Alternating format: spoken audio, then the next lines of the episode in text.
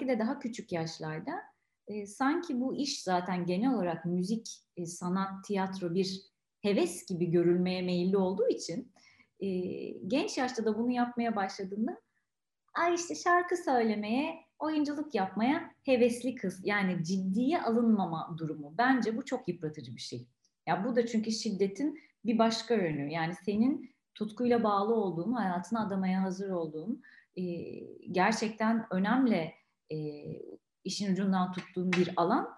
E, genç tatlı bir kızın hevesi gibi gözüküyor. Kadın olarak Türkiye'de e, sanat alanında sadece sanatçı olarak değil, e, hani ses mühendisi olarak ya da sahne çalışanı olarak e, çalıştığınızda evet ciddiye alınmama durumu oluyor.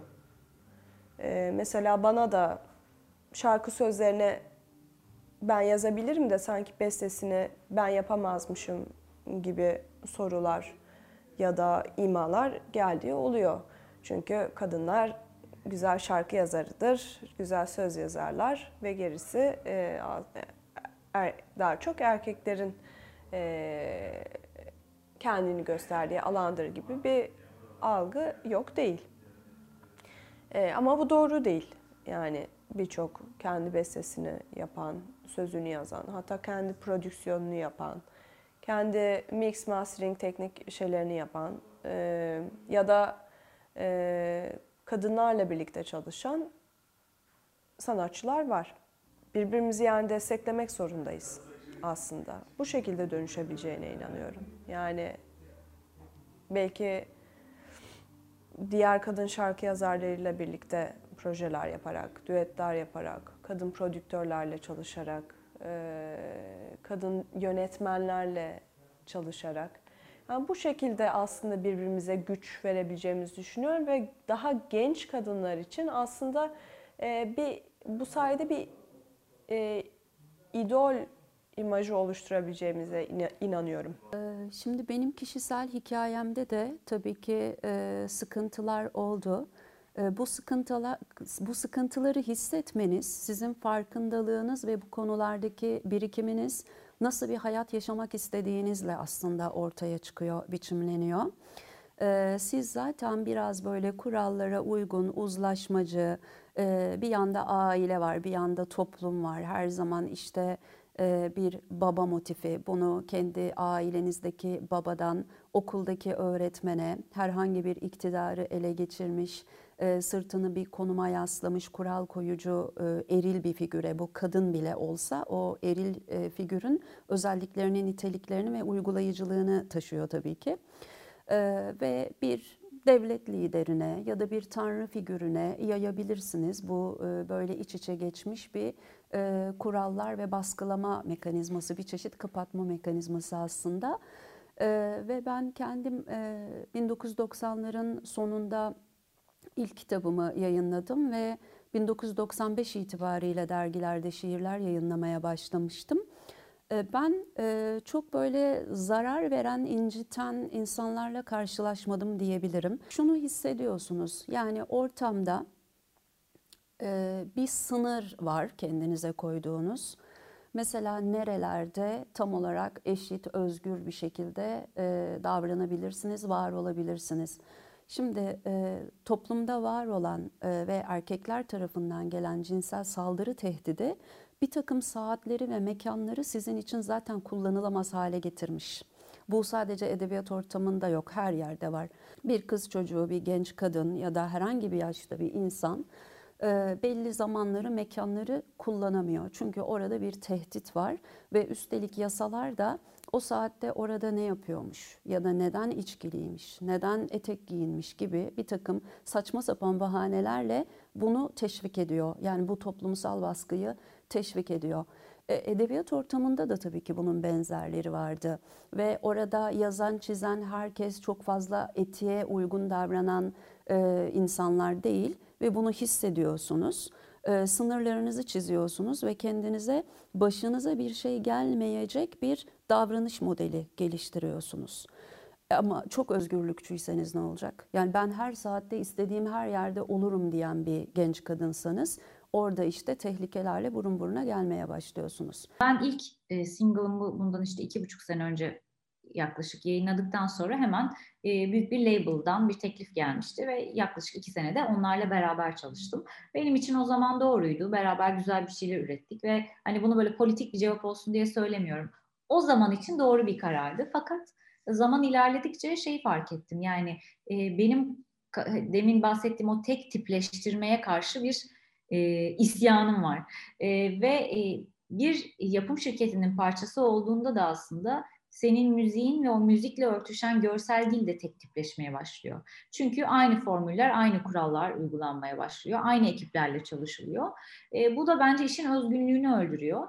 Benim e, bağımsız müzik yapmaya karar verme mücadelem aslında bunu çok net olarak farkına vardığım noktada başladı. Yani dedim ki e, bu benim müziğimse bu hani her şeyi ben bilirimden dolayı değil ama bu müziğin ne zaman dinleyiciyle buluşması gerektiğini düşündüğümü, nasıl bir görsellikle dinleyiciyle buluşması gerektiğini düşündüğümü ben çok iyi biliyorum. Karşı tarafa bunu anlatmak, ikna etmek yerine neden bunu ben yapmıyorum? Yani e, zaten e, demin bahsettiğim ya insan iletişimi çok önemli. Çok fazla insan dokunuyor tek bir şarkının dinleyiciyle bulaş, bu, buluştuğu ana kadar. O şarkı çok fazla insan dokunuyor. Tahmin edemezsin yani. E, o, o insan iletişimini yürütmek konusunda ben bunu yapabilir miyim? Ben bunu yapabilirim galiba deyip yola çıktım. Tabii bu noktada da ben farklı bir Ceren keşfetmeye başladım. Şimdi sadece şarkı yazan, şarkı söyleyen değil, bütün iletişimi yönetmek, direktif vermek ve bir kadın olarak yüzde 90 zaman erkek birine direktif vermek. Bunu böyle yap, bunu böyle istiyorum. Teşekkür ediyorum. Ee, şey benim de şu an öğrendiğim bir şey. Çünkü hep tatlış olmayı öğrenmişiz ya hani kibar bir şekilde bir şeyler rica etmeye. İş hayatında da hep öyle tatlışlıklarla, kibarlıklarla olmuyor. Yani ben bunu istiyorum, teşekkür ediyorum diyebilmek e, yine bir süreç gerektiriyor. Ya bunu diyebilmeyi öğrenmek de yine bir süreç gerektiriyor. Anlatabiliyor muyum? E, ben de öğrenmeye çalışıyorum. Bence hepimiz öğrenmeye çalışıyoruz. Önemli olan öğrenmek, istemek. Ya bunu istediğimiz müddetçe umut var beni en çok umutlandıran nokta o. Yani diyemem ki bütün kadın olmakla ilgili kalıplarımdan kurtuldum. Diyemem ki hiçbir güzellik dayatmasını umursamıyorum. Diyemem ki sosyal medyadaki her şey fake, hiç etkilenmiyorum. Diyemem bunu. Yani hele de bu sektörün içerisinde var olan bir kadın olarak. Ama biliyorum ki şu şu şu beni kötü etkiliyor. Bunun dozunu azaltmam lazım. Daha çok iç sesimi dinlemem lazım bir şey istediğimi söylerken isteklerimden utanmamam, çekinmemem lazım. Ya da işte stüdyoda çalışıyorsam bir yerde oyunum varsa ya evdeki işi de halledemedim, temizleyemedim, yemeği de hazırlayamadım stresine girmemem lazım. Başaramıyorum şu anda ama yapmamam lazımı bilip kendimi hatırlatıyorum. Kendi sevdiğim kadın arkadaşlarımı hatırlatıyorum.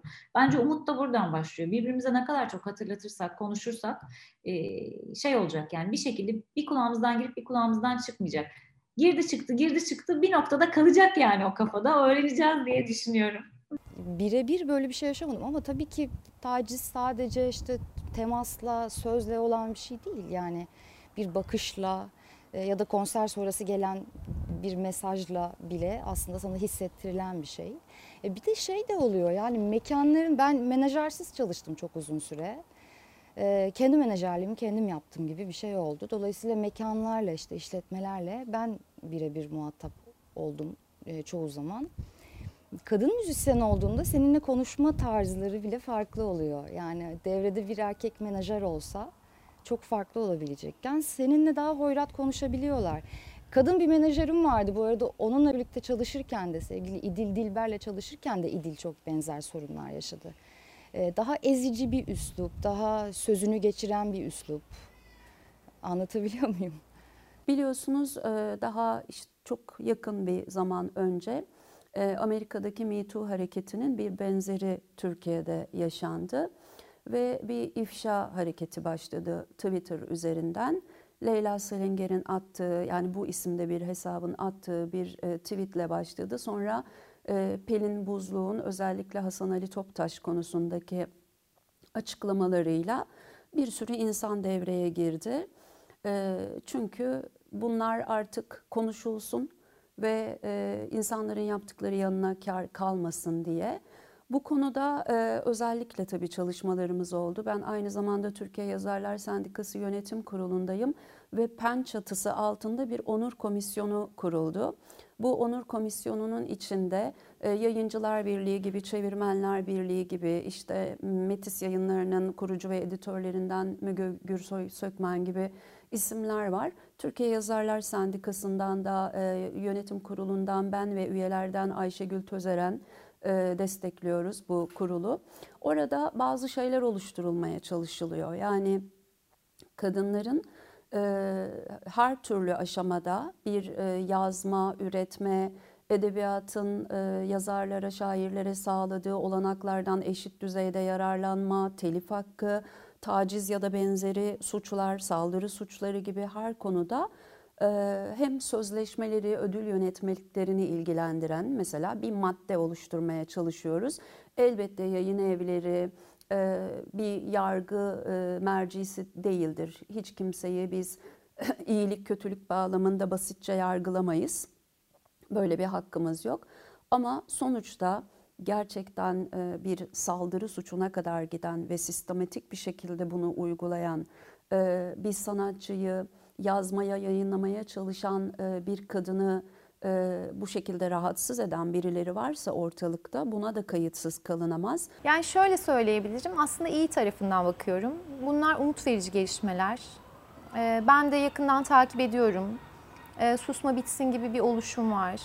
E, bu insanların aslında yani kamuoyunun gördüğü bunun çok çok az bir kısmı yani çoğu insan bunu geride bir yerlere atmayı, belki unutmayı, söylememeyi ya da o çatışmaya hiç girmemeyi seçebilir ki bu da çok e, e, sağlıklı ve nasıl isterse zaten öyle olmalı. O kişinin isteği çok önemli.